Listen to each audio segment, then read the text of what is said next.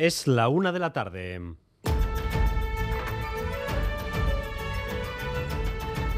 Crónica de Euskadi con Dani Álvarez.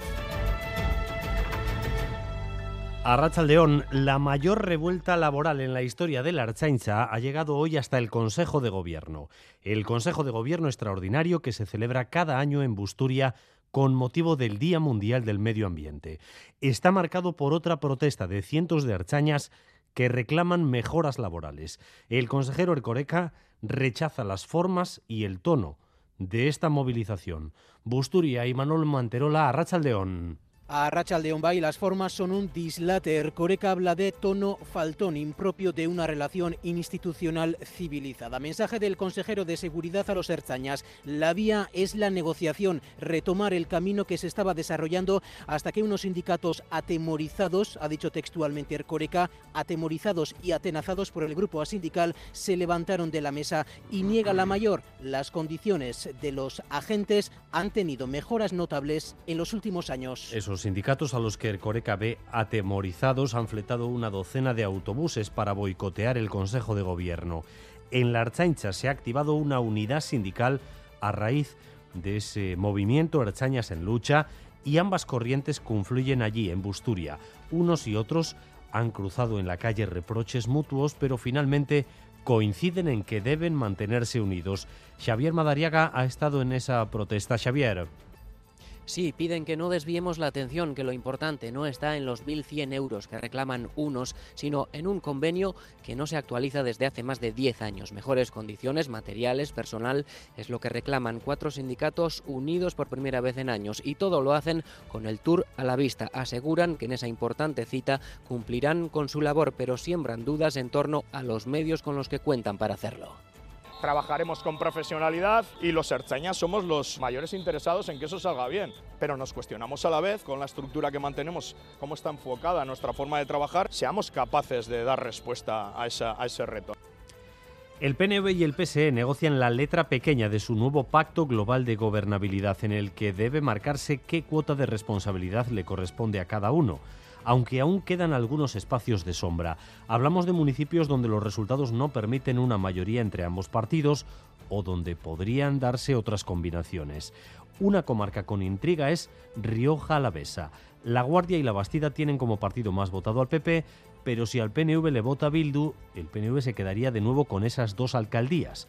Esa es la hipótesis más probable, pero no hay certezas absolutas a 11 días de la votación. Iñaki Larrañaga. Los dos municipios clave toman distintas velocidades en la Guardia, paso adelante de su actual alcalde y a cabeza de lista por el PNV, que ha avanzado esta mañana en Radio Euskadi con rotundidad que el 17J se va a presentar porque su crecimiento en votos lo acredita como la opción más democrática ante la lista ganadora del Partido Popular. Eso en La Guardia. En La Bastida, en cambio, todo se mantiene en pausa. El candidato del PNV allí no aclara todavía si optará o no a la alcaldía para desbancar al Partido Popular.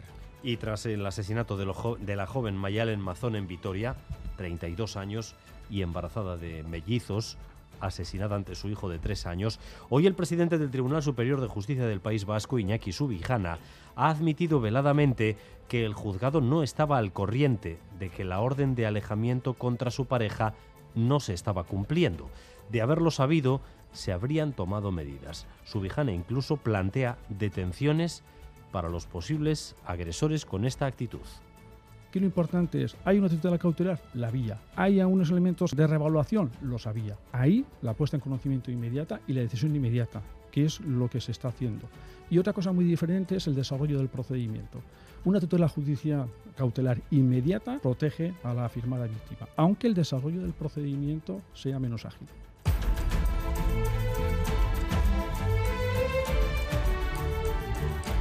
La guerra en Ucrania ha dado hoy un nuevo salto cualitativo. Ha sido atacada de madrugada la presa de Novakayovka, un enorme embalse de más de 40 metros de altura sobre el río Dnipro.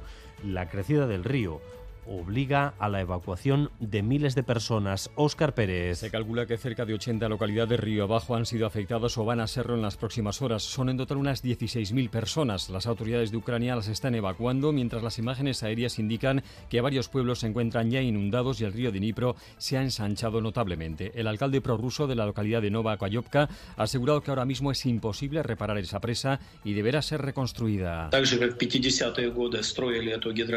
Ucrania y Rusia se acusan mutuamente del sabotaje, aunque los expertos consideran que un ataque de este tipo va a complicar la contraofensiva de Ucrania. El presidente Zelensky ha convocado un Consejo Nacional de Seguridad urgente y ha dicho en un mensaje que los terroristas rusos no podrán detener a Ucrania con agua, misiles o cualquier otra cosa.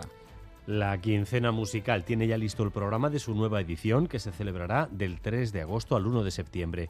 Destaca, destaca el ciclo sinfónico del Cursal con la monumental Octava de Mahler que reunirá 400 músicos y voces sobre el escenario.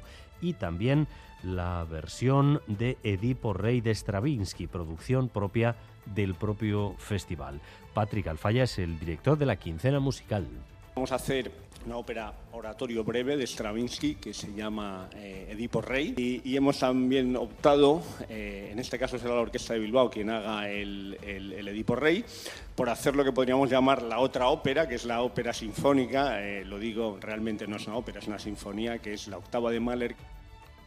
Y vamos también con lo más destacado del deporte, con Álvaro Fernández Cadierno. Arrachaldeón, Álvaro. Arrachaldeón, con noticia ya confirmada, Íñigo Martínez no va a continuar en el Atlético. Ha puesto punto final a seis temporadas y a 177 partidos como rojiblanco.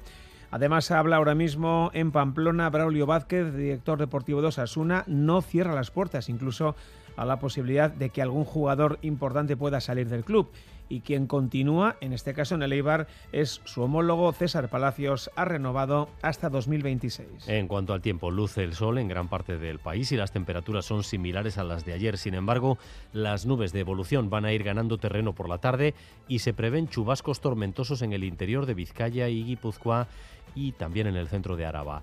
A esta hora se activa además aviso amarillo por precipitaciones intensas que podrían dejar hasta 15 litros por metro cuadrado en una hora el aviso decaerá a las 9 de la noche. Así que atención de nuevo a las tormentas. Nos acercamos ya a los 30 grados en Bilbao y en Donostia, y 27 en Bayona, 24 grados de temperatura en Vitoria-Gasteiz y Pamplona y en carreteras, ahora mismo sin incidencias, pero recuerden que esta tarde hay paros convocados en el tranvía de Vitoria de 4 a 6, así que habrá alteraciones en el servicio. Gracias un día más por elegir Radio Euskadi y Radio Vitoria para informarse. Raúl González y José Ignacio Revuelta se encargan de la dirección técnica, a Itziber Bilbao de la coordinación. Crónica de Euskadi con Dani Álvarez.